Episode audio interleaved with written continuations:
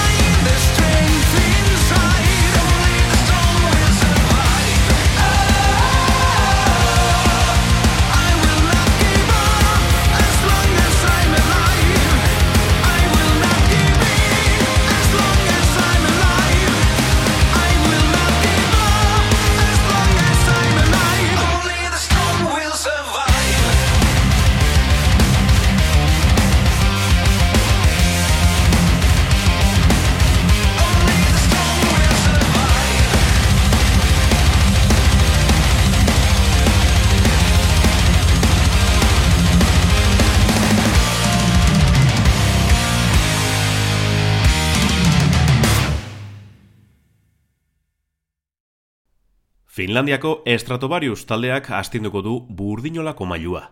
Bizirauteko natura zaintzea ezinbestekoa dela aldarikatu dute Survive izeneko azken lanarekin. Aldiz, abesti honak egitea beharrezkoa da musikagintzan bizirauteko. Eta beraiek lortu dute, egun arte ibilbide gora beratsua izan badute ere. Hau da, bizirik daude power metal europarraren aitzindariak. Survive abestiarekin abiatu dugu programa.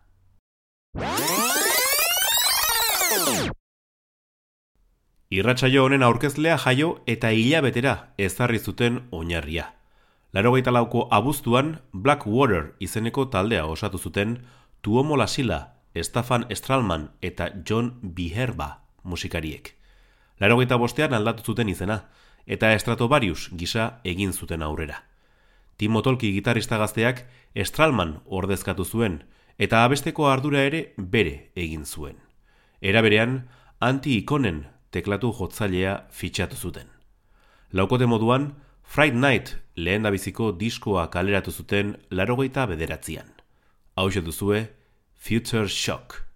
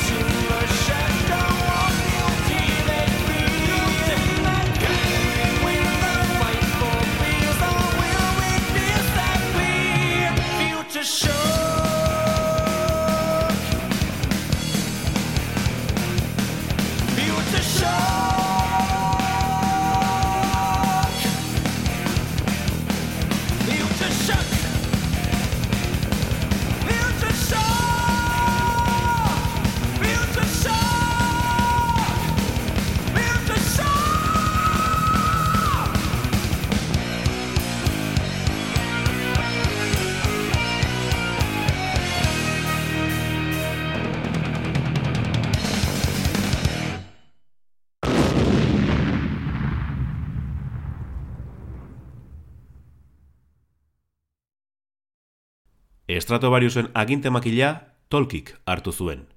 Gitarrista eta abeslaria ez ezik, komposatzaile bakarra bihurtu zen. Larogeita amabian, bigarren diskoaren bi bertsio argitaratu zituzten. Txu izenekoa Finlandian bakarrik, eta Twilight Time Europan eta Asiako leku batzuetan. Aldiz, larogeita malauan, Dream Space irugarren lana plazaratu zuten jari kainulainen basu jotzaile berriarekin. Ondoren, Tolkik Timo Kotipelto abeslaria fitxatu zuen, berak soilik gitarra jozezan. Larogeita amabosteko Fourth Dimension diskoa izan zen haren estrenaldia. Kotipeltoren ahotsak beste izaera bat eman zion taldeari. Una hemen, Distant Skies.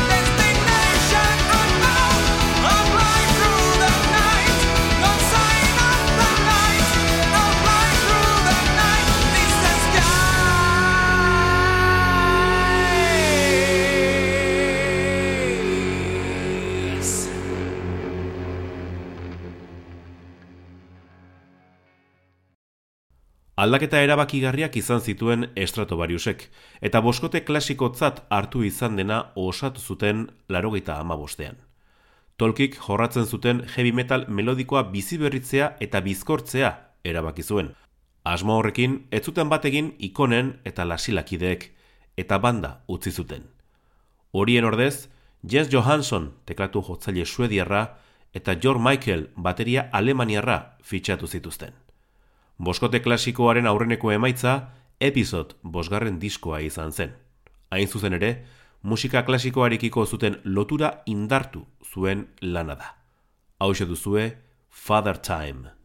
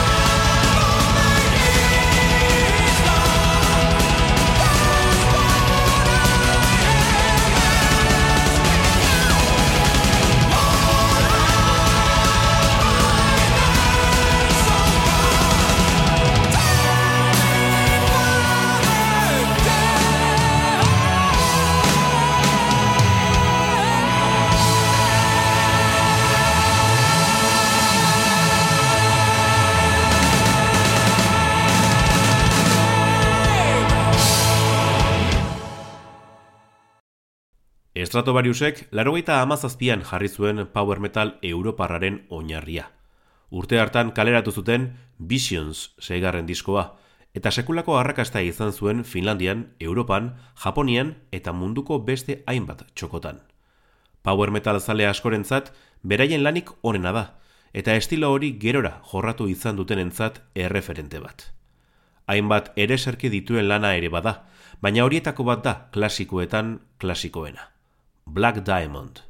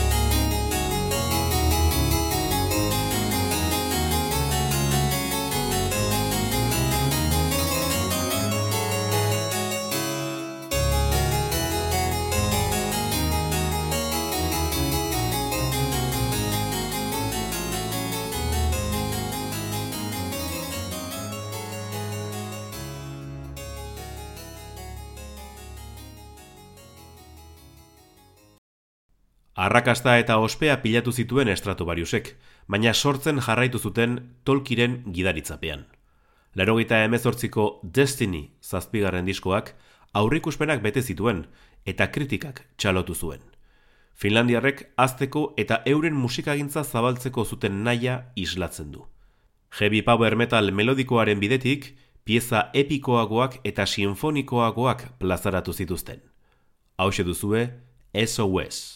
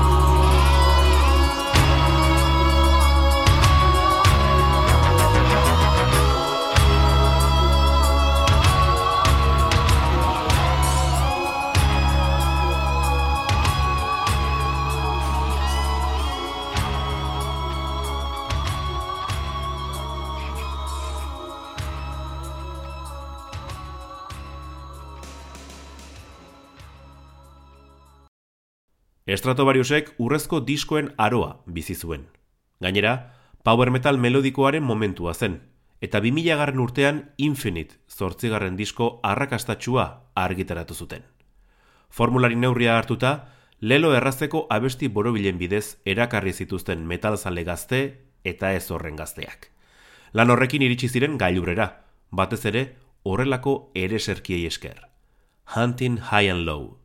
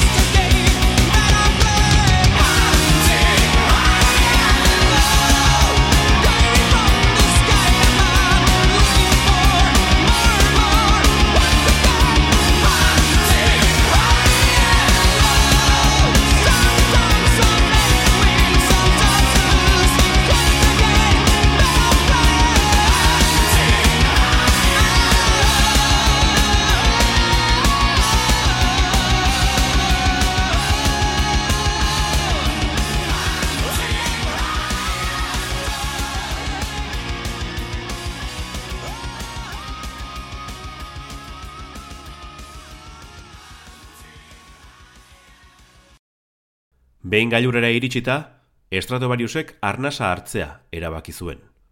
Taldekideek beste proiektu batzuetan parte hartzeko denbora hartu zuten.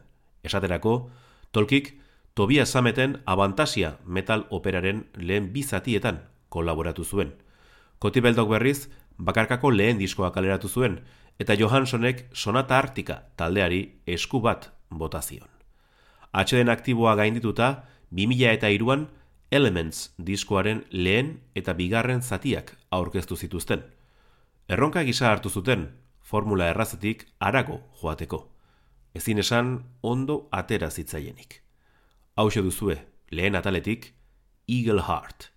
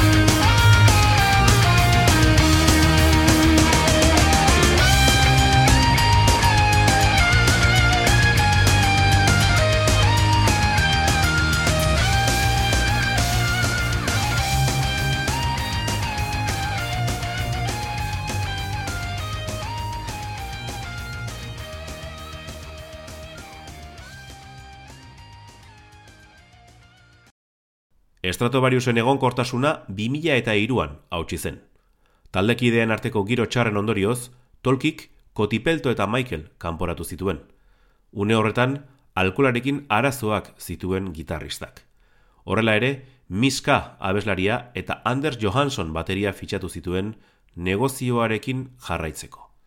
Baina ez zuten asko iraun, urtebete beranduago, boskote klasikoa elkartzea lortu zuen Jens Johanssonek. Berriz ere elkarrekin, 2000 eta bostean, bandaren izen bereko jarrok disko pobre xamarra kaleratu zuten.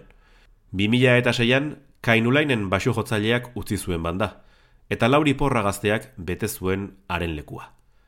Giro txarra, etzen baretu, eta 2000 eta zortzian, tolkik estratobarius desegin zuen. Baina etzen era bat horrela izan, eta urak baretu zirenean, tolki bera izan zen banda utzi zuena eskubide guztiak gainerako taldekidei eman da. Kulebroia bukatuta, 2000 eta bederatzean Polaris diskoarekin berrabiarazi zuten Power Metalaren bidea. Hona hemen, Deep Unknown.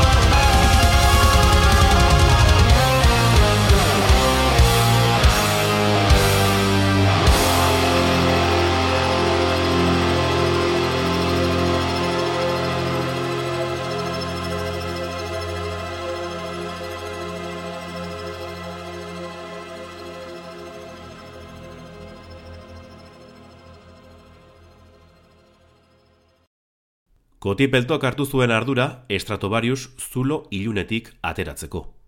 Matias Kupiainen gitarista gaztearen laguntzarekin lortu zuten iraganeko argitasunera itzultzea. 2000 eta amaikako Elysium lanarekin proposamena eta soinua etengabe berritzeko konpromisoa berretsi zuten. Berezko elementu arrakastatxuekin. 2000 eta amabian, George Michael bateriak taldea utzi zuen osasun arrazoien gatik. Pieza garrantzitsu bat galduta ere, sendo egin zuten aurrera, eta tolkiren garai osteko diskorik onena argitaratu zuten 2000 eta amairuan, Nemesis. Power metal klasikoa eta modernoa ederki nasten ditu. Hau duzue, Unbreakable.